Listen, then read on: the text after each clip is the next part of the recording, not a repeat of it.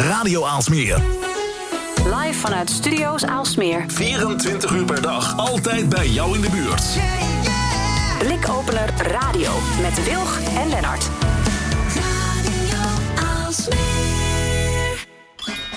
Het is maandag. Tijd voor anders. Tijd voor scherpte en innovatie. Tijd voor Blikopener Radio. Met Wilg en Lennart. Welkom bij alweer de 96e aflevering van uh, Blikopener Radio. Mijn naam is Lennart Bader en vandaag is Elias Nasrullah onze gast. Hij is uh, digitaal strateeg en onder andere columnist uh, bij Trouw. En daar schrijft hij over technologie, digitalisering en het effect ervan op ons als mens en samenleving. Hij schreef onlangs een opiniestuk over hoe ons klimaatgeweten door mensen als Elon Musk verdoofd wordt, als het ware. Nou, daar willen we natuurlijk graag met hem over praten, want ja, technologie en klimaat, hoe zit het nou eigenlijk? Ja, heel interessant. voor, voor mij als uh, techie zeker. Ja, nee, uh, likewise. Dat uh, belooft veel goed. mijn naam is Esther Gons en behalve mijn blikopeners van deze week... hebben we verder onze columnist, nou ja, onze columnist... terug van weg geweest. Terug van weg geweest. Ja! Sanne Roemen in de uitzending. Sanne. Nou, je kent haar misschien nog wel. Co-creatie voor een betere wereld. Dat is Sanne. En uh, ze is even weg geweest, zoals gezegd. Maar met onze nieuwe insteek naar meer klimaat en duurzaamheid is ze weer van de partij. Ja, we kijken daar enorm naar uit. Heel blij mee. Ja, genoeg reden om te blijven luisteren. Als je nog niet geabonneerd bent op de podcast, nou, zoek dan gewoon op uh, Blikopener Radio in iTunes of Spotify. Of ga naar de website blikopener.radio. En als je suggesties hebt voor gasten, ja, wie, wie zouden we nou moeten spreken? Nou, doe even een mailtje naar um, post.blikopener.radio. Ja, of het Blikopener Radio op Twitter. Ook nog. Nou, Mag ook. Alle markten thuis. Precies. Daarover gesproken. maar goed, zoals gezegd, we beginnen dus met uh, Ilias Nasrullah. Die uh, overigens ook gewoon op Twitter zit. Dus uh, daar kan je hem ook opzoeken als je wil. welkom terug, zal, zeg ik tegen Ilias. Want volgens mij ben je ook al een keer eerder bij ons in de uitzending geweest. Dat klopt, Esther. Bedankt voor, voor de uitnodiging weer. En ik denk dat ik bijna een jaar geleden bij jullie in het programma was. En toen praten we over digitalisering in het onderwijs. Oh, dat klopt, ja. ja. ja. Nou, leuke uitzending om een keer terug te luisteren als je die nog niet. Ze zijn allemaal online en hebt. allemaal in de podcast. Dus je kunt het inderdaad terug gaan luisteren. Precies, maar vanavond wilde het eigenlijk hebben over. Uh, nou, jij, ik, we zeiden het al, uh, dat, opiniestuk dat jij schreef. Want je schrijft inmiddels ook, nou ja, zij noemen dat geen columns, maar opiniestukken. Heel mooi in trouw. Over hoe dat nou zit met technologie en klimaat. En jij zegt eigenlijk in dat stuk. Um, ja, we moeten misschien ook voorzichtiger zijn met onze vertrouwen in de, in de technologie. Leg dat eens uit, Ilias. Ja, excuus. Um, ja, um, ik zal misschien eerst beginnen met uh, hoe mensen op dat stuk reageerden. Uh, er waren een aantal mensen best wel geïrriteerd door um, het stuk wat ik schreef. omdat zij het als een aanval zagen op de technologie. Um, en, ja, want je, want, nou, je had, je, ik wil, want je had best uh, uh, heftige woorden. Ik, ik, zal een stukje voorlezen, dan weten ze misschien waarom mensen zo heftig reageerden.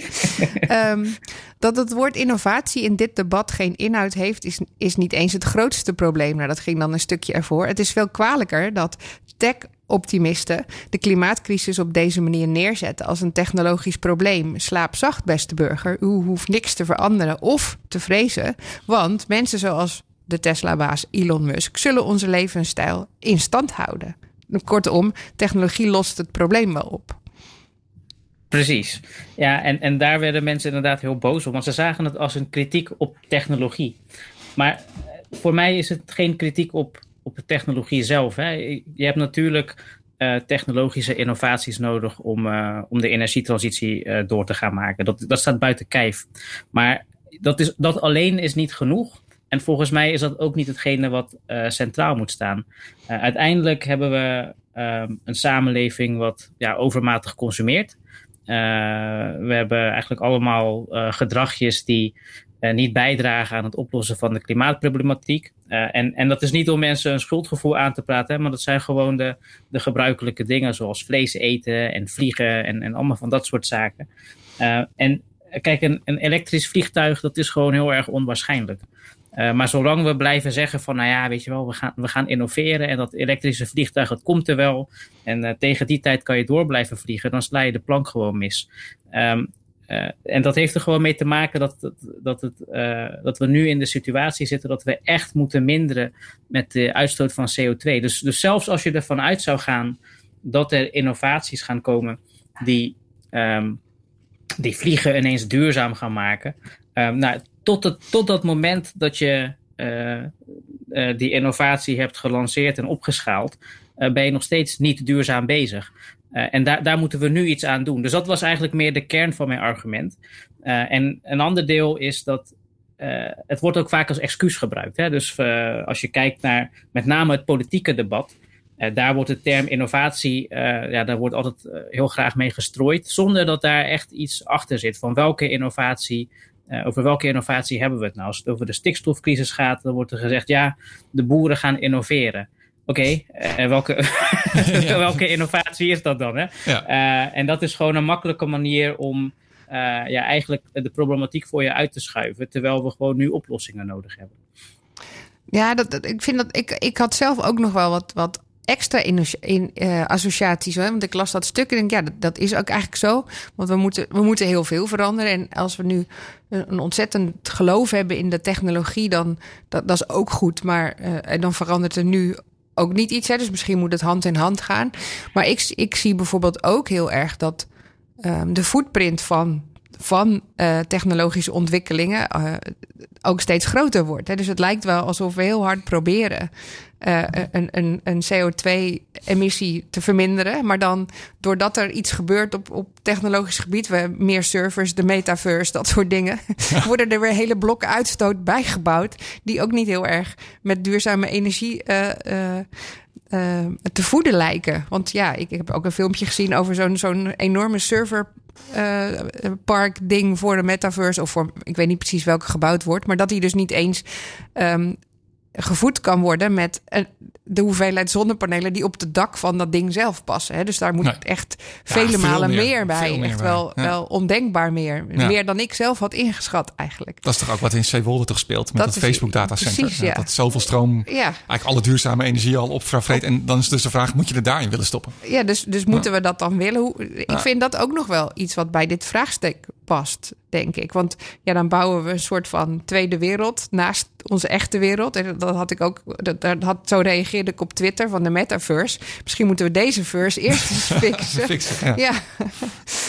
Ja, ja, maar dat is ook interessant. Dat uh, als je dan naar Mark Zuckerberg luistert, dan zegt hij dus ook van ja, maar het metaverse is ook een oplossing voor de klimaatcrisis. Want dan hoef je niet meer uh, uit je huis uit en naar kantoor te gaan, want dan kan je vanuit huis werken. En nou ja, kijk, uh, zelfs als dat zo is, en daar kan je dus heel veel vraagtekens bij zetten. Uh, in, in al die tussentijd uh, ben je nog steeds aan het vervuilen. En dat is gewoon ruimte die we niet hebben. Dus ik, ik denk dat ook vaak de, de urgentie van de klimaatcrisis. Um, dat, die komt ook niet helemaal binnen bij mensen volgens mij. Hè? Dus als zo'n IPCC-rapport zegt, nou, we moeten nu echt minderen, dan, dan lijkt de tendens nog steeds te zijn van, ah, dat komt wel. Uh, dus dus daar, daar het volgens mij een spanning.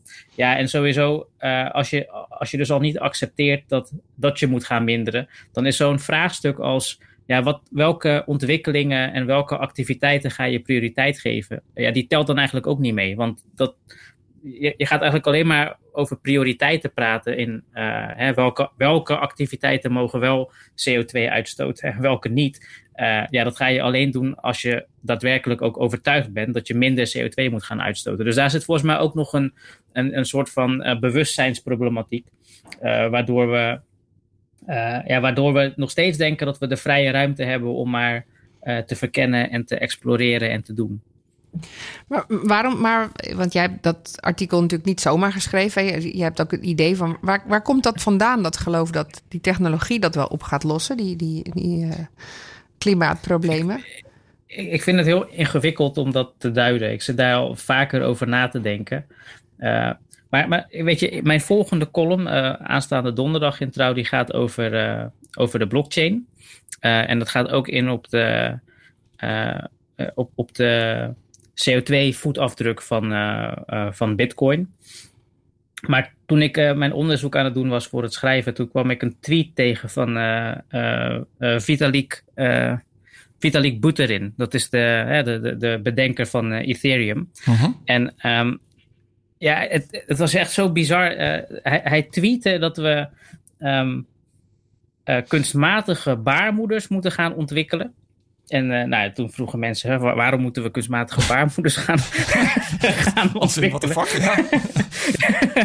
en uh, uh, en nou, zijn antwoord was van, nou ja, er is dus een, je, je, hebt dus de salariskloof tussen man en vrouw. maar die salariskloof die ontstaat eigenlijk pas zodra een vrouw voor de eerste keer zwanger wordt. Dan, dan begin je echt ineens het verschil te zien. Dus uh, hebben we uh, kunstmatige baarmoeders nodig, volgens Vitalik. Uh, want nou, dan, dan kunnen vrouwen doorwerken. En dan, dan lees je dat. En, en, soms, ja, soms denk ik van, als ik dit dan aan mensen vertel, dan, dan kijken ze naar mij en dan denken ze dat ik het over een soort uitzondering heb. dat ik over een of andere gek praat. En ja, die, die gast is ook gewoon gek. Maar het is wel een invloedrijke gek. Ja. uh, en uh, dat, weet, weet, je wel, die, dus die, dat gedachtegoed, dat zit op de een of andere manier heel erg diep in de techwereld. Dat ieder probleem ook een soort technische oplossing. alles is maakbaar. Uh, precies, alles is maakbaar. Ja. en, en alles kunnen we met techniek oplossen. En alles is een technologisch probleem. Terwijl ja, bijvoorbeeld zo'n probleem als, als de salariskloof volgens mij is dat veel meer een probleem van uh, bereidwilligheid. Uh, en hè, er is niet echt een, een, een, biologische reden waarom een vrouw minder zou moeten verdienen. Dus waarom zou je het, met de biologie proberen op te lossen? Dus uh, ja, ik, ik denk dat dit in die, op de een of andere manier in de, in de techwereld wordt volgens mij. volgens mij wordt sociologie en psychologie en dat soort zaken worden gewoon als inferieur beschouwd. Uh, hè, en uh, dus zodra er emotie bij komt, zodra het complex wordt, dan is het eigenlijk inferieur. En uh, rationele technologische oplossingen zijn superieur. En daarom moeten we daarop inzetten. Ik, ik denk dat dat in ieder geval een element is in het gedachtegoed. Want ik, ik, snap ook niet hoe je anders op het idee komt om een kunstmatige baarmoeder te maken. nee. nee. Het is toch weer dat stukje van de metaverse. Weet je, hè? Dus, dus, als we dan onze eigen lichamen niet meer in de hand hebben, dan doen we maar ja. dat digitale stukje daarnaast. Dat doet me heel erg denken aan die film. Wat was het ook weer? Surrogates. Een film uit nou ja, voor 2020 ergens. Ja? Uh, waar iedereen uh, thuis in een stoel ligt. En dan een, een soort avatar aanstuurt die naar buiten gaat. Want je gaat zelf niet naar buiten, dat is te gevaarlijk. Uh, dat doe je alleen maar met je, met je surrogate. En dan ah. kunnen daar dus ook geen uh, pandemieën meer ontstaan. Nee, want iedereen zit veilig tussen aanhalingstekens binnen. Ja, in, ja. in een stoel. Obese te worden en ja, dat soort dingen. Dat ja. soort dingen, ja. Maar misschien is het ook wel van, van hem een soort uh, afleiding. Of zo, weet je. Dat, als je maar genoeg rare ideeën de wereld in, uh, inslingert. Hè, dat dan misschien de aandacht een beetje weggaat van... nou ja, wat jij hè, dus waarschijnlijk gaat benoemen in je column van komende week... over die, die, die energiefootprint van nou ja, cryptovaluta, Bitcoin met name, denk ik. Volgens mij zijn we met Ethereum wel bezig om daar nou ja, in ieder geval wat zuinigere varianten of minder rekenintensieve varianten van te maken of controles op te doen. En misschien is het afleiding. En daar, daar is een, een zekere president vrij groot mee geworden, zou je zeggen, in, in een bepaald land. nee, nee, maar ik, ik denk dat, dat dit soort. Meent hij het echt? Um, dat dit soort gedachten ze zijn, het is geen uitzondering. Ik kom het gewoon heel vaak tegen. Ik uh, ben ook een, um, een, een, tijdje terug kwam ik een stuk tegen van Lord Martin Rees. Ik was even zijn naam aan het, uh, aan het opzoeken. En dat is de, dat is de astronomer royal van, uh, van het Verenigd Koninkrijk. Dus dat is ook iemand die de voorzitter of president was van de Royal Society. Dus dan ben je wel echt iemand in, in de wetenschappelijke wereld. En hij schreef een stuk um, over over ruimtevaart. Um, en dat is ook gewoon heel bizar, want hij, hij, hij zegt daar van we moeten het staat buiten kijf dat we het uh, klimaatprobleem moeten oplossen. Hè? Dus hij zegt van we, we, moeten niet naar Mars willen vluchten uh, omdat het hier uh, fout gaat. Want we moeten de problemen hier oplossen. En bovendien zegt hij op Mars een soort van bewoonbaar klimaat maken is nog veel moeilijker dan het klimaatprobleem hier oplossen. Hm. Dus nou, so far so ja. good zou je zeggen. Maar ja. dan, dan, dan vliegt hij echt helemaal uit de bocht. Want hij zegt van we moeten toch wel uh, de ruimte ingaan en uh, we moeten respect hebben voor, voor, voor de mensen die dat doen. Omdat, ik, ik vertaal het eventjes uit het, Uit de losse pols? uit, het, ja, uit, de, uit, de losse pols, uit het Engels. Ehm, hij zegt van, we gaan de transitie maken van vlees en bloed naar volledig inorganische of dus niet biologische intelligenties. want dan hebben we geen atmosfeer meer nodig. Dus dat is als je op Mars wil gaan wonen. En uh, die niet-biologische hersenen gaan krachten ontwikkelen die mensen niet eens, uh, zich niet eens kunnen voorstellen. Maar dit soort technieken die zullen uh, beperkt blijven op de aarde, omdat, vanwege ethische redenen. Maar op Mars heb je daar geen last van. Dus... geen last van, oké. Hebben we geen last dus, van ethiek? Dus, dat is op zich wel een rare dus, uitspraak. Dus, ja, dus, dus, en dat stuk dat gaat eigenlijk maar zo door. Mm -hmm. um, en uh, en, en, dan denk ik van, kijk, dat is dus gewoon echt een, uh, ja, een gerespecteerd iemand. Uh, maar ook heel erg diep weer in die engineeringwereld, in die techwereld. En ja, daar, daar is blijkbaar de gedachte dat ethiek is, dat belemmert onze ontwikkeling. Is een probleem. Als, is een probleem, ja. Hè? ja. Dat be belemmert onze ontwikkeling als, als mens, als, als, de, als mensheid. terwijl ik denk dat als je. Ik, ben zelf geen uh, social scientist of iets dergelijks. Maar ik denk dat, dat je gewoon als mens zijnde is ethiek volgens mij hetgene wat ons juist helpt om te groeien. Hè? En, en, maar, dat is dus een hele andere uh, uh, blik op wat betekent het eigenlijk om vooruitgang te maken als, als mensheid. En volgens mij zijn daar gewoon ja, tegenstrijdige ideeën over. Dus mijn punt is, het is volgens mij geen uitzondering dat je dit soort gedachten tegenkomt. En ik denk niet dat het afleiding is. Ik denk dat mensen overtuigd zijn uh, van dit soort prietpraat eigenlijk. Want ik, ik kan er ook niet meer van maken dan dat het prietpraat is. Uh, en, uh, en, en het gevaar zit er voor mij in dat we wel. Um, dat dit soort mensen wel heel veel invloed hebben, ook de middelen hebben om te bouwen wat zij voor ogen hebben. Um, en um, ik, ik denk dat, dat eh, ik kwam een mooi argument tegen van, uh, over mensen die zeggen dat ja, ethiek en, en, en ook gewoon simpele dingen, hè, zoals, zoals een AVG, dat wordt ook wel eens gezien als een beperking op innovatie. En die zeggen van, nou ja, het is niet dat, dat de AVG of dat ethiek uh, innovatie beperkt. Wat, wat echt een uh, beperking is op onze innovatiekracht, is dat we steeds bezig zijn met problemen oplossen die die te maken hebben met het overtreden van wetten of overtreden van zeg maar ethische kaders. waardoor mensen die juist een veel positiever wereldbeeld en mensbeeld hebben, eigenlijk veel meer bezig zijn met die problemen oplossen en nooit de kans krijgen om hun eigen visie te realiseren. en ik, ik vind dat ook een heel interessante kijk weer. Hè, van het, gaat, het gaat dus ook gewoon meer over waarde. Uh, en, en, dat is denk ik ook een deel van de politieke discussie van wat, wat voor samenleving proberen we nou met z'n allen te maken. Uh, maar die vraag wordt te weinig gesteld. En ondertussen wordt die wel gemaakt door uh, Mark Zuckerberg en dat soort mensen. Dus ja, want die maken gewoon een beslissing. Ja, ja. Precies, ja, precies. Die, die, maken ja. gewoon een beslissing en die doen het gewoon. maar maar um, ja, dat, dat is natuurlijk heel logisch. Hè? Die, die kanttekening van bij die technologie. Daar moeten we niet dat blinde vertrouwen in hebben. Want we moeten ook zelf heel veel dingen doen. Er moeten systemen veranderd, ver, uh, veranderen, worden veranderd. Misschien door ons, misschien uh, door overheden. Maar, maar kan technologie ons wel helpen daarin? Is het, is het wel, kan het überhaupt iets doen aan de klimaatcrisis? Of... Nou, kijk, ik denk dat het, dat het evident is hè? dat je bijvoorbeeld uh, uh, uh, je wil je energievoorziening en je energienet gaan verduurzamen. Nou, dat betekent heel wat voor hè, hoe je energie opwekt. En dat gaat steeds veel decentraler gebeuren. en hoe decentraler dat gebeurt, hoe, hoe, ja, hoe meer je energienetwerk decentraal wordt, hoe meer je het op een andere manier moet gaan balanceren.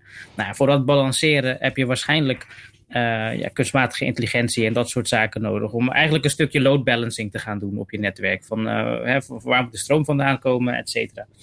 Um, dat is geen proces wat je gewoon met um, zeg maar huidige technieken zomaar kan uitvoeren. Dus daar moet je echt wat voor gaan ontwikkelen. Uh, dus ik, ik denk dat dat, dat, dat, uh, uh, een noodzakelijke inzet van kunstmatige intelligentie is. Dan heb je natuurlijk die hele energieverduurzaming waar ik geen specialist in ben. maar daar gaan ook gewoon nog zaken moeten gebeuren. Ik moet trouwens zeggen dat ik, hè, ik vind een windmolen bouwen persoonlijk, dat vind ik geen innovatie. Dat is gewoon een, een ding wat, ja, we weten hoe dat moet. Uh, het kan altijd nog efficiënter, maar dat, er, zit, er, zit, weinig uh, innovatiefs meer in. Uh, en het is ook nog eens iets waar je tegenwoordig. Het, het, bedruipt zichzelf financieel gezien. Dus wat dat betreft zijn we ook wel klaar met innoveren, moeten we het gewoon doen. Maar, maar in die zin geloof ik wel dat je technologische veranderingen nodig hebt en technologische transities nodig hebt om, om dingen te doen. Maar. Um, ik, ik denk niet dat je de illusie moet hebben dat je, zelfs als je al die veranderingen doorvoert, nog steeds op dezelfde voet verder kan leven. dus je, je kan het allemaal doen, maar je gaat alsnog moeten stoppen, of in ieder geval minderen met het eten van vlees. dus het, is, het, is, het is dat en-en. Ja, uh, ja. En, en, ik denk dat het ja, heel riskant is als je, als je zegt van nee, we gaan het alleen maar met techniek doen. Want dan heb je al die transities doorgevoerd en dan ben je nog niet bij je einddoel. Nee, dus dat, dat is eigenlijk ook wat, we ons moeten beseffen. Dus is als, wat ook heel logisch is, want als je naar technologie kijkt, uh, het grootste probleem is dat we um, te veel mensen op de aarde hebben. En als ze allemaal op dezelfde voet zouden willen leven als wij, we daar gewoon niet genoeg resources voor hebben. Dat gaat uh, gewoon niet. En, dat, en dat kan, ja, dan kan je van alles voor bedenken in je hoofd. Maar met technologie is dat dus niet op te lossen. Want dat is heel fysiek. Dat is gewoon resources die hier op aarde zijn. En er zijn er gewoon niet genoeg van. Dus dat betekent maar één ding. Ja. Uh, dat moeten we anders oplossen. Dus beter verdelen. Wat betekent dat degenen die er het meeste van hebben, moeten gaan minderen. Ja. Ja, ja. En dat, hoe, hoeveel technologie je ook inzet, dan gebruik je eigenlijk alleen maar meer resources dan minder. Ja, ja en, en ik denk dat de kern van mijn kritiek is dat zolang we niet dit gesprek met elkaar voeren en daar eerlijk over zijn. En dat is, dat is denk ik ook wat mensen als, uh, als Greta bedoelen, hè, als ze zeggen van politici zijn niet eerlijk. Dat, dat zolang we dit gesprek niet met elkaar voeren, zijn we eigenlijk niet serieus over die, zijn we niet serieus bezig met de, met de klimaatcrisis en met de transitie. Um, en ja, en, en ik maak me er ook zorgen om dat uh, hoe langer je wacht met, um, met de maatregelen nemen die nodig zijn, hoe pijnlijker het wordt om die maatregelen later te nemen. Het is net als als je een, een, een infectie in je voet hebt, weet je wel. als, je, als, je, als je niet als je niet snel behandelt, uh, wordt het alleen maar erger. Dan, wordt het alleen maar erger. Op een gegeven moment moet je je been amputeren. Dat weet was je iets met zachte heelmeesters, toch? Ja, ja stinkende wonden. ja, zachte heel stinkende wonden, Ja. precies. Uh, en uh, ik denk dat daar ook een, een soort frustratie in zit bij, bij bijvoorbeeld klimaatactivisten. Van, ja, ze roepen eigenlijk dit soort dingen al, weet ik veel, sinds de jaren tachtig of misschien eerder. Hè? En, en uh, de maatregelen die je toen moest nemen uh, om het binnen de perken te houden, die waren toen veel minder ingrijpend dan de maatregelen die je nu moet nemen. En de maatregelen die je over zelfs twee jaar moet nemen, die zijn nog veel ingrijpender dan die je nu moet nemen. Dus uh, ik, ja, ik maak me daar zorgen om in, in die zin dat op een gegeven moment ga je de pijn uh, moeten voelen en uh, het moeten confronteren. En, en, mijn zorg zit er meer in dat het dan tegen de tijd dat we dat echt doen, dat het uh, zo ver uit de hand gelopen is dat het alleen maar ellende en, en, en polarisering en dat soort zaken kan opleveren. Ik bedoel, het is nu al gepolariseerd, het hele debat. Dus, ja. Maar als je het nu vergelijkt zeg, met, met pak een beetje vijf jaar geleden. Um, in mijn beleving is er veel meer bewustzijn in ieder geval van dat het een probleem is en dat er iets mee moet gebeuren. Gelukkig wel. Ja, gelukkig wel. He, dus, uh, we zijn er niet, hè? Ik bedoel, zeg niet dat we er zijn, maar ik, bedoel, ik merk wel nee, duidelijk is, dat er meer, ja, soort van. Het is zeker geen. geen um, het, het, is zeker niet zo dat, dat uh, in, de, in de afgelopen vijf jaar helemaal niks is gebeurd. Dus daar ben ik ook blij om. Uh, maar Misschien is het ook goed dat er mensen zoals ik zijn die gewoon niet tevreden zijn. Hè? En, en, uh, en dus blijven doorzeuren. Want als je, als je gaat zeggen van. Uh, het is nou, wel goed. Vijf ja. jaar Precies. Ja, dat is te makkelijk. Uh, je, je, begon ook een beetje van dat, er, dat je daar een hoop kritiek op kreeg op dat artikel. Um, dat helpt, neem ik aan, ook om, om discussie op te breken. Of om juist in gesprek te gaan met, met mensen die er kritiek op hadden. Gebeurde dat ook naar aanleiding van je stuk? Ja, dat, dat, dat gebeurde ook. Um, in, kijk, in hoeverre dat uiteindelijk. Um, effect heeft op, uh, op zo'n hele ingewikkelde discussie die, die op allerlei lagen gevoerd wordt, dat weet je dan weer niet. Hè? Dus ik, ik, denk in ieder geval dat het, dat het wat mensen aan het denken heeft gezet. Mm uh, maar, het is lastig om de impact te meten van, uh, van dit soort dingen. ik denk dat het, weet je wel, hoe ik de impact meet is. Nou, nu zit ik hier met jullie erover te praten weer.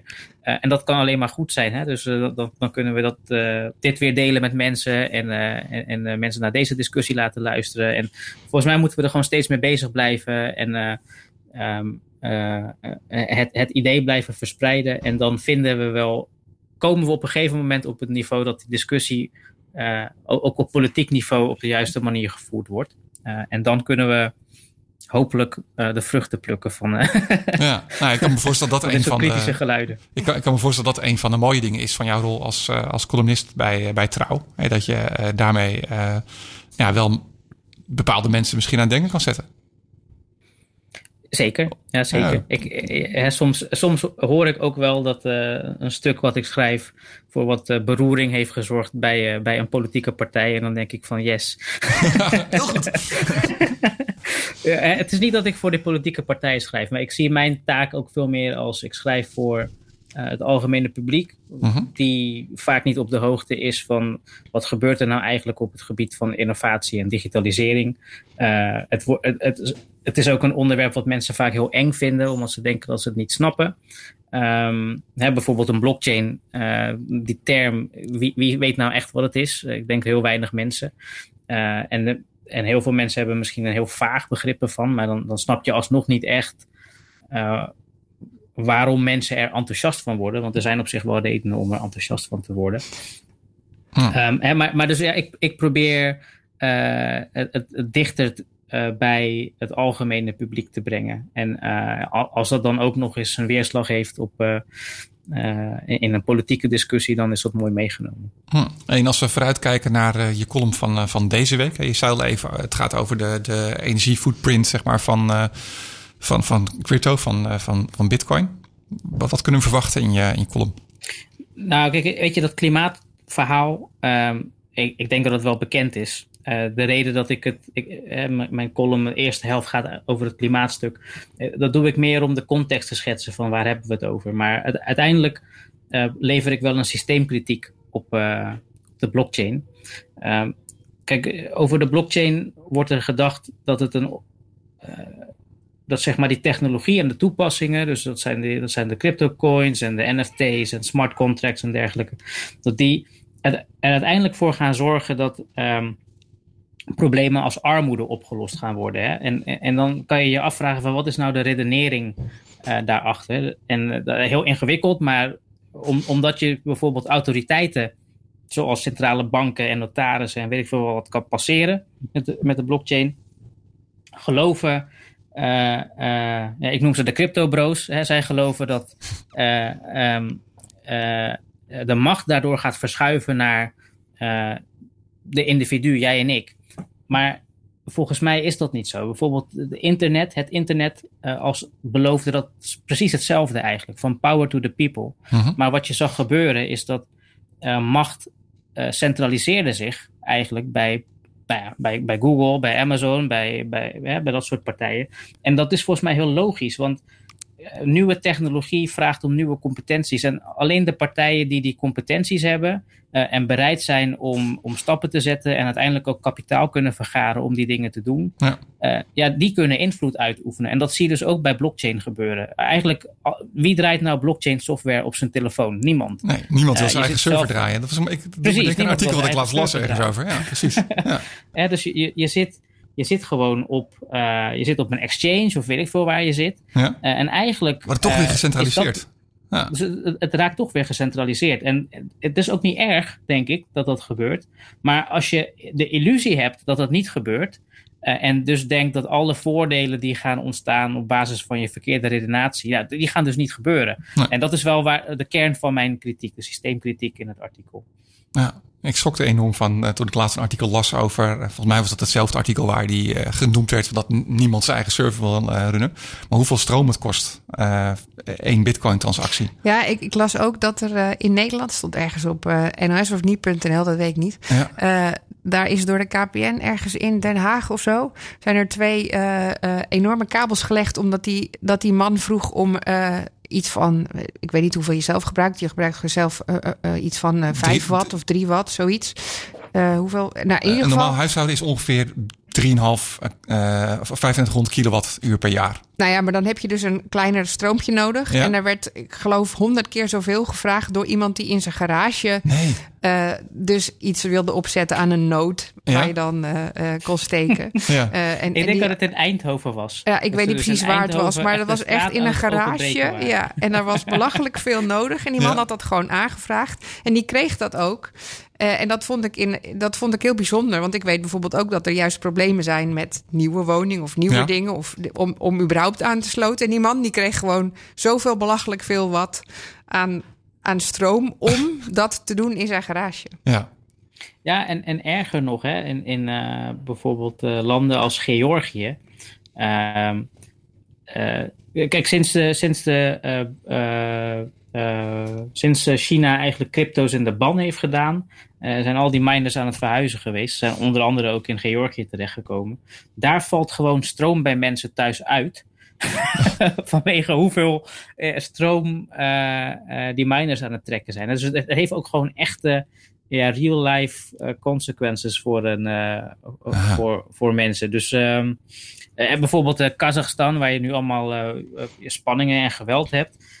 energieprijzen zijn omhoog gegaan, maar het is ook het land eh, het, het één na grootste uh, miningland ter wereld na de Verenigde Staten. En, en, en, dat komt omdat eh, stroom daar heel goedkoop is. Allemaal goedkope Friese kolencentrales. Uh -huh. uh, maar ja, al die miners zijn daar naartoe getrokken. en dat, ja, het, het levert gewoon crisis op in een land. Dus um, ja, het, is, ik, ik, lach, maar het is meer een lach van uh, wanhoop dan van, uh, van uh, amusement. Van ja, wat zijn we nou met z'n allen aan het doen? dat, dat is systeemkritiek.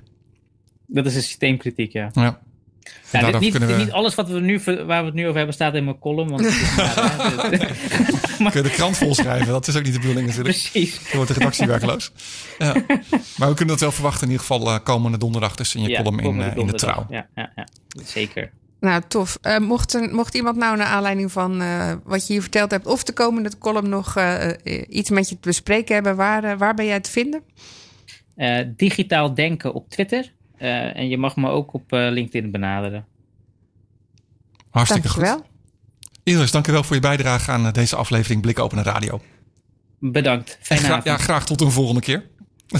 Doeg. Dat houden we erin. dankjewel. En dan gaan we door met uh, de blikopeners van, uh, van deze week, Esther. Ja, de blikopeners van uh, deze week. Nou, die sluiten mooi aan bij het gesprek dat we net hadden met, met Ilias. Ja. Um, want ik las een heel interessant artikel. dat heet Astronom Astronomers Want Their Sky Back.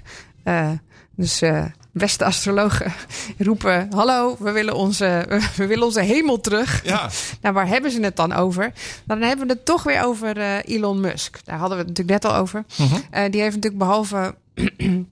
Zijn mooie elektrische auto's ook dat grote bedrijf uh, waarmee hij naar Mars wil, zoals uh, Ilias al zei. Ja. Uh, maar met dat SpaceX heeft hij ook Starlink uitgerold. Nou, dat is een project waarbij hij zei: Ik ga de wereld helpen, ik ga de wereld verbeteren. ik ga een hele trein aan satellietjes in de hemel schieten, zodat er in gebieden waar ehm, slecht internetbereik is, ook goed bereik kan komen. Dus dan kan je met een hele makkelijke satellietverbinding naar mijn satellieten eigenlijk overal wel um, het internet op. Ja. En die werden uh, de ruimte ingeschoten. En die hangen relatief gezien laag. En die en hangen in onze bovenste ja. uh, atmosfeer. Die hangen net niet helemaal. Nou, wanneer is de ruimte, wanneer is niet de ruimte, maar mm -hmm. ergens daartussenin, zo'n mm -hmm. beetje, zeg maar. Dan heb je niet een enorme grote schotel nodig, maar gewoon een vrij compact een compact een dingetje. Die kan je eigenlijk heel makkelijk aanschaffen, zelf in elkaar zetten en dan heb je altijd internet. Ja. Um, maar inmiddels eh, zijn dat er zo'n 2000. Dus onlangs is de 2000ste sta- satelliet eh, de lucht ingeschoten. Hè, want dat is dan een beetje nou ja, ongeveer zo waar die ook eh, die oefening heeft gedaan met die SpaceX. En een keer een, een auto heen heeft geschoten. En ehm, dat betekent dat meer dan de helft van alle satellieten, die daar zo om die aarde heen hangen, van Elon zijn, van Starlink zijn. En eh, dat is dus eigenlijk heel gevaarlijk aan het worden. Eh, zo zijn er al klachten van ruimtestations. Eh, er zijn Chinezen die zeiden: Hallo, hallo, help. We hebben al twee keer bijna een botsing gehad. Ehm, en dat is niet zo leuk. We hebben nu allerlei nieuwe alarmsystemen in werking gezet. Want ja, een botsing in de ruimte is iets gevaarlijker dan een botsing op de weg. Hè? Als het daar stuk gaat, dan. eh, Je, je zou zeggen, de kans is vrij klein. Ben je ook omdat al- het, de ruimte nogal groot is. Ja. Maar als het gebeurt, dan... Ja, je hebt natuurlijk geen zwaartekracht. Dus je, je, het schiet alle kanten op. En, Nou ja, maar ook omdat die stukken dan met heel veel snelheid en Ja. heel weinig wrijving elkaar raken. Als er dan een muurtje stuk gaat, dan heb je een groot probleem. Ja.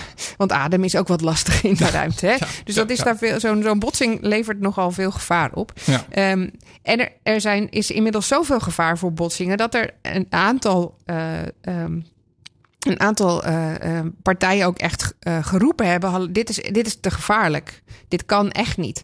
En behalve dat er zijn er dus ook astrologen, en daar, daar ging de titel dan ook over, die zeggen: joh, maar ehm, eh, wij hebben nu ook een probleem, want 1 op de 15 lichtpuntjes in onze hemel is inmiddels helemaal geen ster meer, maar zo'n ding van Elon Musk.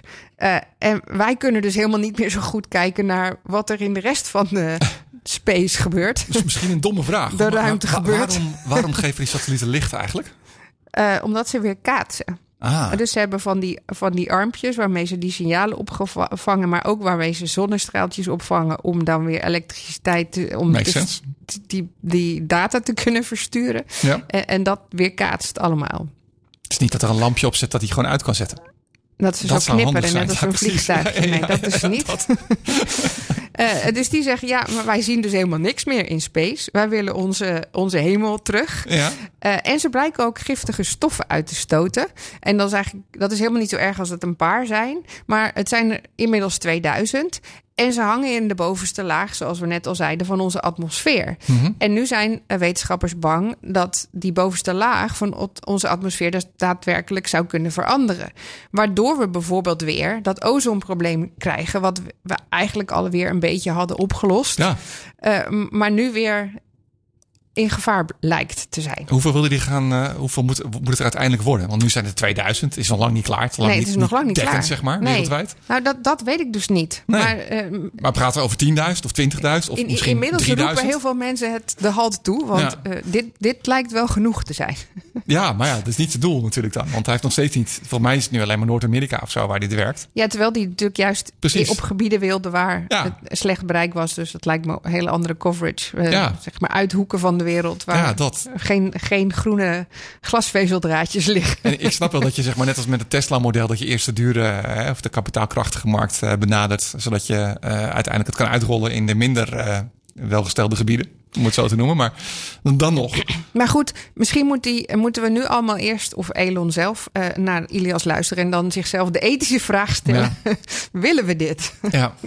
Het is wel veel invloed voor één mannetje eigenlijk. Als je Eigenlijk zo wel, ja. nadenkt. ja. want hij neemt gewoon de beslissing en zegt: Weet je wat, we gooien die satellieten allemaal de lucht in. Ja.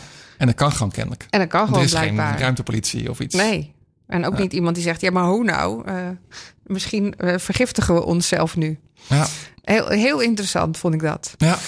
Ehm, wat kwam ik verder tegen? Nou, ik heb het volgens mij wel eens gehad over batterijen.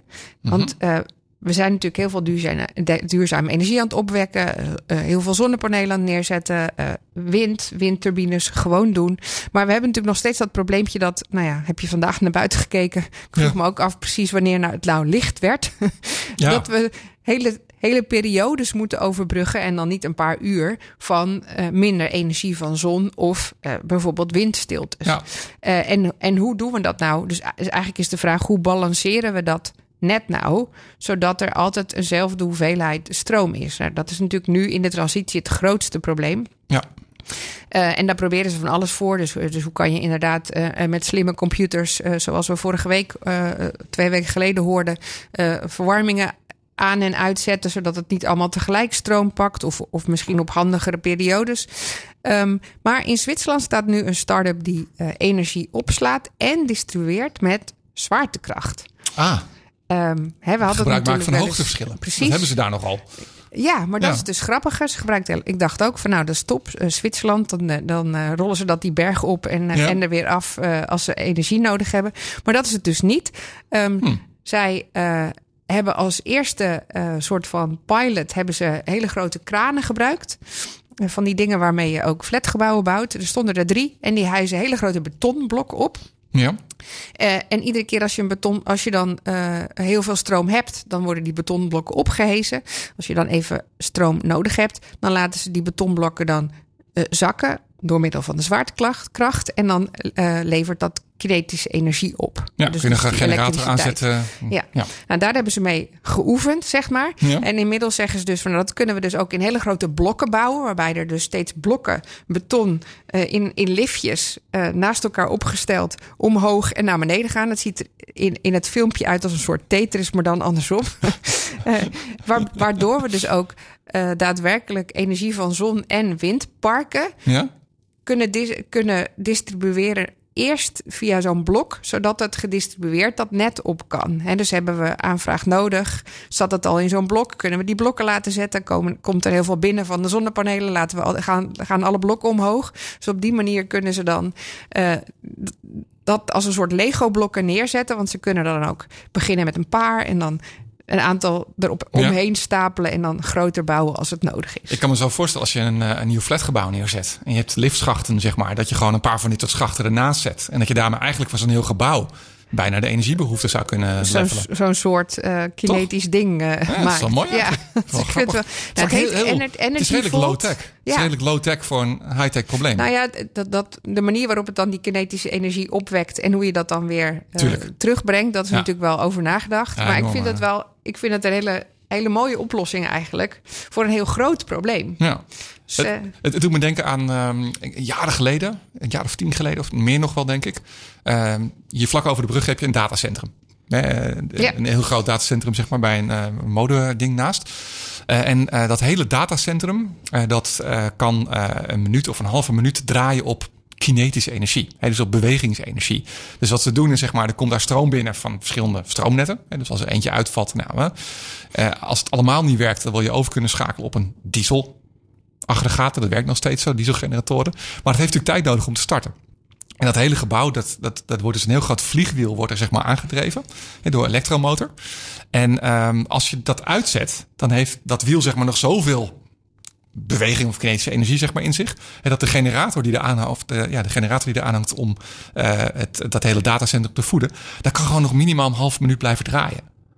Dat vond ik wel frappant. Ja, dus En- toch ook weer die kinetische energie. Ja. Misschien moeten we daar meer van. Want, Ja. want, ik, want dat is misschien toch ook de oplossing. Dat we veel meer gaan kijken naar eh, de, de, de simpelere Het- is meer, dat oplossingen. Wat, wat hebben we eigenlijk al? Wat groeit er al? Wat bloeit Ja. er al? Waar kunnen we iets mee mooi. doen? Dus dat vind ik, ja, vind ik ook mooi. Ja. Kijk ook even naar het filmpje dat Energy Volt op zijn eh, website heeft staan. Want dat ziet er dus heel... Energy Vault als een kluis. Ja, Ja. dat ziet er heel eh, Tetris-achtig eh, uit, Hm. eigenlijk. Nou, en ehm, ik had nog een eh, tipje voor een, eh, een, luisterverhaal van de correspondent.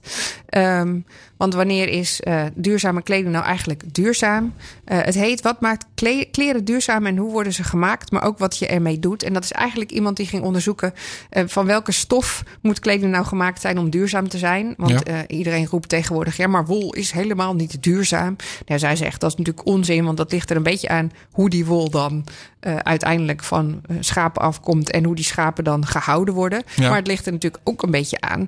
ehm, wat jij met die trui, trui dan vervolgens doet. Heb je die eh, een halfjaartje aan en eh, doe je er dan niks meer mee? Of eh, heb je die zoals ik? Ik zeggen, van, je, ik zag je lievelingstrui voorbij komen op Instagram. Die was al moest ik 20 het jaar oud of zo? Ja, die is inderdaad al 18 jaar oud. Tenminste, misschien nog wel ouder. Maar Ja. ik heb een foto gevonden van mezelf van 18 jaar geleden. Dat ik die dezelfde trui, aan trui. heb. In dezelfde trui. En die heb ik dus gewoon elke winter aan. Het is een hele fijne trui. Maar dat is... Ja, dat is, dat is is ook duurzaam. duurzaamheid. Ja. Hij is toevallig niet van wol. Maar blijkbaar de goede mix van katoen en polyester. Mooie inzicht. Ja, Absoluut. Maar dus op de correspondent eh, luisterverhaal om eh, ehm, ja, te gaan beluisteren. ja. Goeie tip. Dankjewel daarvoor. Nou ja, en inmiddels ehm, zie ik zomaar, ja, zie ik onze eigen oemf. Waarom zeggen we nou oem, denkt iedereen. Zie ik Sanne Roemen eh, zomaar Hi. weer eh, bij ons programma aangesloten. Hi. Hallo, wat fijn dat je weer terug bent.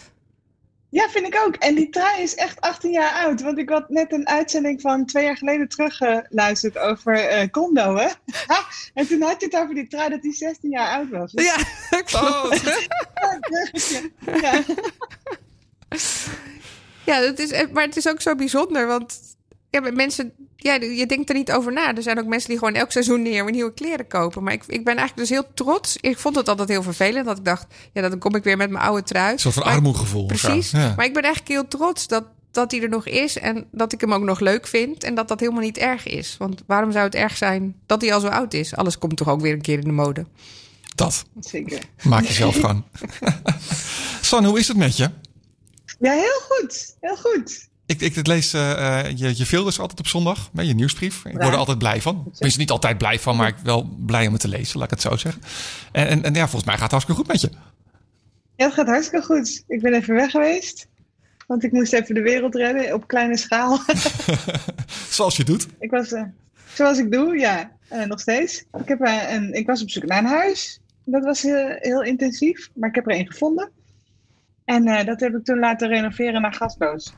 Oké. Toen ben ik even eh, twee jaar uit de relatie geweest. Nou ja, tenminste uit jullie relatie. Maar, maar dat Ja, klinkt ja. dus eigenlijk veel simpeler dan dat het is. Want, want eh, dat even renoveren naar gasloos bleek wel twee jaar eh, te duren. Eh, ja, de werkzaamheden hebben negen maanden geduurd. Symbolisch genoeg. Eh, maar het vinden van mensen die het konden uitvoeren eh, heeft een tijdje geduurd. En het vinden van een huis heeft een tijdje geduurd. En wat er ook nog gebeurde was dat eh, corona Oh ja. zich Ja. aandiende. En eh, dan had je ineens uitval van een deel van je, van je ploeg. Eh, of dat materialen niet geleverd kunnen worden. Zo bleken er van dakisolatiemateriaal twee fabrieken te zijn, waarvan er één afvikte in Frankrijk. Oh, Ja. maar dat klinkt alsof jij eh, toch. Het klinkt wel als iets specialers dan alleen maar gewoon gasloos. Vertel, wat, wat, wat is er gebeurd in dat huis? Heb je, eh, heb je, Wat is er gebeurd? ja, heb je onderzoek gedaan naar hoe je het, hoe je wilde? Is het, is Nee. het heel speciaal geïsoleerd? Of hoe ben je daar, hoe ben je daar mee te werk gegaan?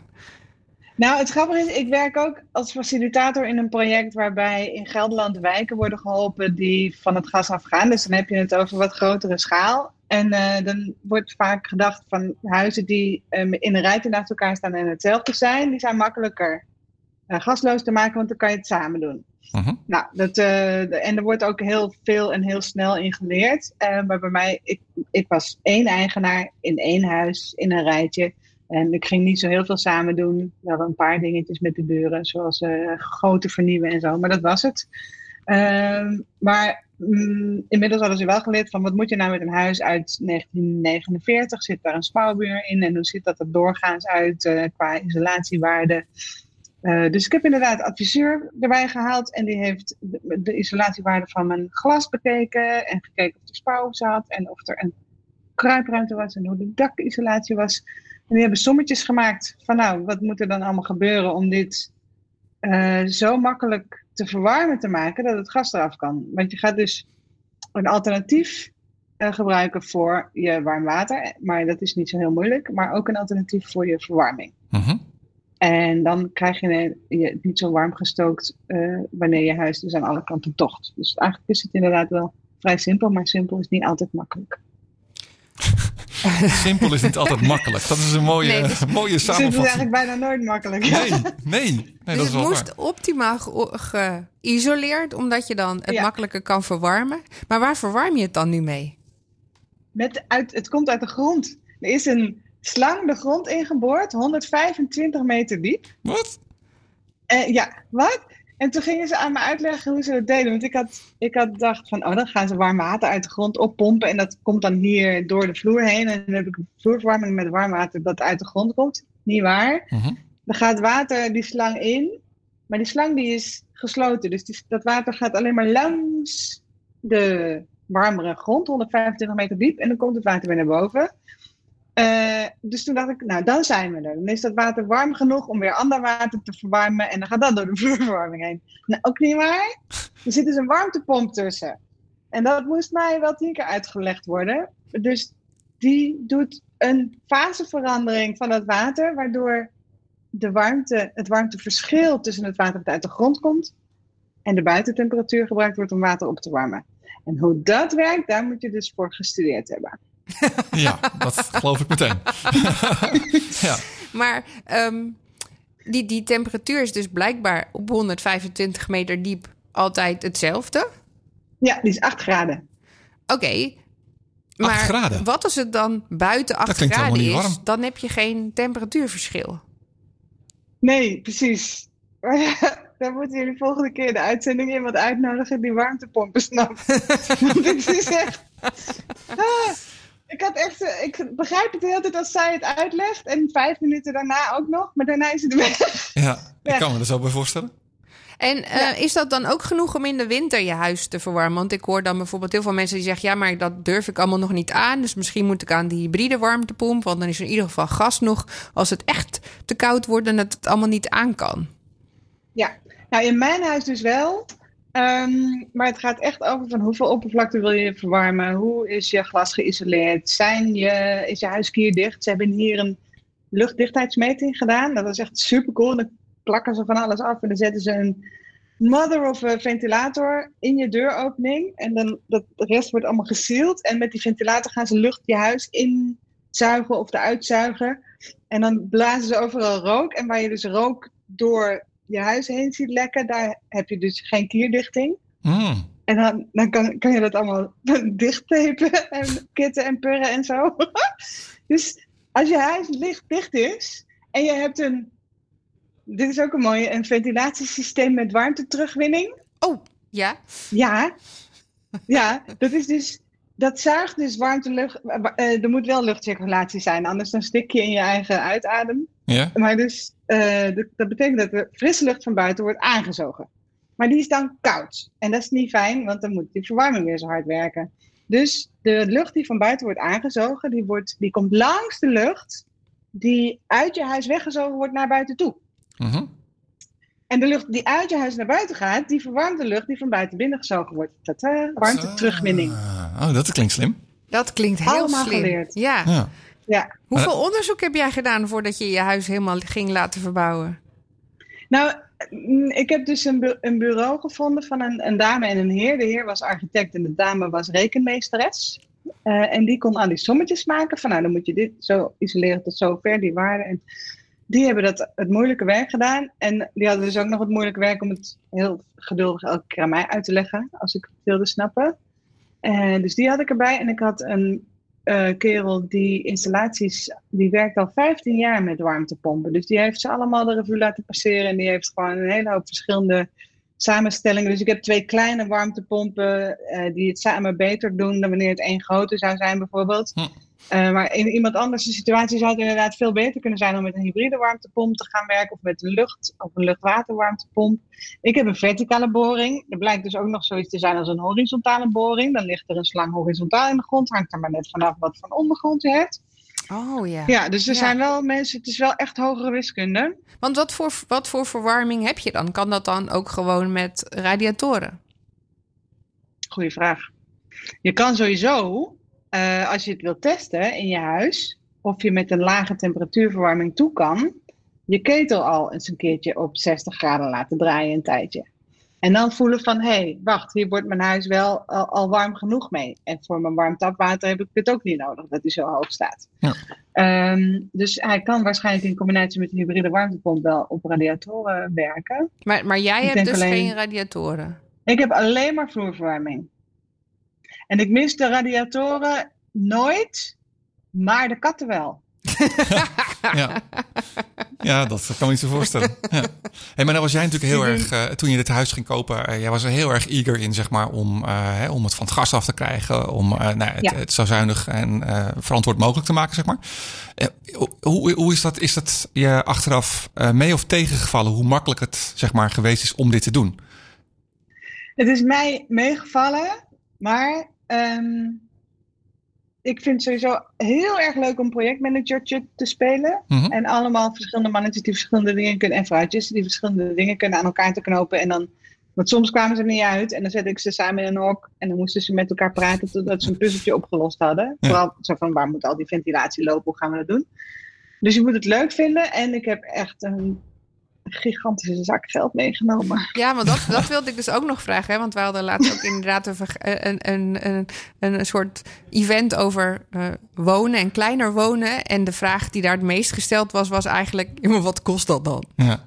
Ja. Je moet het wel heel graag willen, ja. lijkt het, hè? Dat is wel een beetje de. Je moet het heel graag willen. Ja, ja dat kon omdat ik dit huis. Uh, het is een huis wat misschien net toen ik het kocht, in die staat, was het net te klein geweest voor een gezin. Dus er moest echt iets uitgebouwd worden. Ik heb geen gezin, ik ben alleen. Um, en daarom was de verkoopprijs gewoon heel aantrekkelijk. Maar dat, dat is dus inmiddels al twee jaar geleden. Hè? En ja. uh, dat, voor die prijs gaan ze nu niet meer weg in deze staat. Dus ik heb net mazzel gehad. De verkoopprijs was aantrekkelijk, zodat op mijn totale budget uh, genoeg overbleef om dit te doen. En ik kan nu niet meer zo goed zien welke financiële keuzes voor mij. Ik heb ook luxe dingen gekocht, namelijk. Ja. Er hangen ook wat. ik, ik, ik kan ook koelen op het warm, water wat uit de grond komt. Dus in de zomer wordt mijn huis ook gekoeld.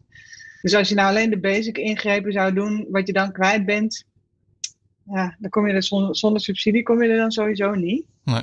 Dan ja, moet je denk ik toch wel aan de 30, 35.000 euro denken. Ja. Kan je een goede auto verkopen.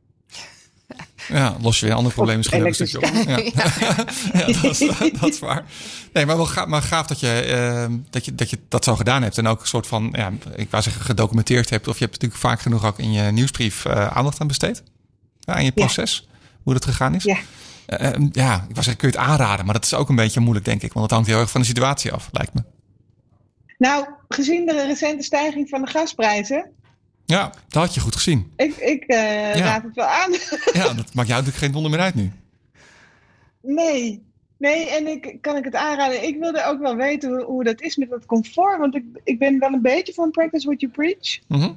Dus uh, op het moment dat ik de hele tijd de grote bek loop op te zetten over duurzaamheid, vind ik het wel fijn om een soort voorbeeld. Ik ben nou echt zeker niet heiliger dan de paus hoor. Maar ik wilde het gewoon een keer ervaren hebben van wat kan er eigenlijk in zo'n huisje als deze en uh, hoe werkt dat dan? Ja, en, en, voel, en voelt ja. het dan nog prettig? Want dat is natuurlijk het, het, argument dat heel veel gebruikt wordt. Ja, maar ik wil natuurlijk wel gewoon nog steeds lekker warm hebben en niet iets hoeven ja. inleveren. Ja. Ja. Nee, het is mega comfortabel. En ik heb dus de bovenverdieping, want ik wil bijvoorbeeld waar ik slaap, wil ik het graag heel koud hebben. Mm -hmm. En waar ik leef wil ik het niet koud hebben. Dus beneden is het lekker warm. De badkamer is lekker warm. De slaapkamer, die is, daar kan ik nog steeds mijn ramen openzetten. Daar maken mensen zich ook wel zorgen over. Ja, dan kan er geen raam meer open. Uh, ze zeggen warmtepomp maakt lawaai. Nou ja, die van mij dan natuurlijk niet, want die gaat de grond in. Maar de, de luchtwarmtepompen die zijn ook de laatste tijd steeds stiller. Het ventilatiesysteem maakt ook geen lawaai. Dus het comfort is inderdaad heel hoog. Het is alleen niet zo dat ik even een peut energie erin kan stoppen, zodat het binnen 10 minuten het hele huis warm is of zo. Nee, dat is het enige verschil. Hm. Ja. Hey, Sanne, de tijd zit er alweer op. Als mensen jou willen volgen, waar kunnen ze dat doen? LisanneRoemer.nl Dus uh, daar is mijn website. Ja, en dan kun je abonneren op de nieuwsbrief. Bijna elke ja. week door je filters. Ja, filters.sanneroemer.nl. Dat is de shortcut naar de nieuwsbrief. Super. En uh, dat, dat was het eigenlijk. Nou, tof. Uh, tof dat je weer terug bent en uh, fijn uh, dat je dit even wilde delen met ons. Ja, tot de volgende. Tot de volgende keer. En daarmee ook een eind aan deze aflevering Blik Open het Radio. Over twee weken zijn we er weer. Fijne weken.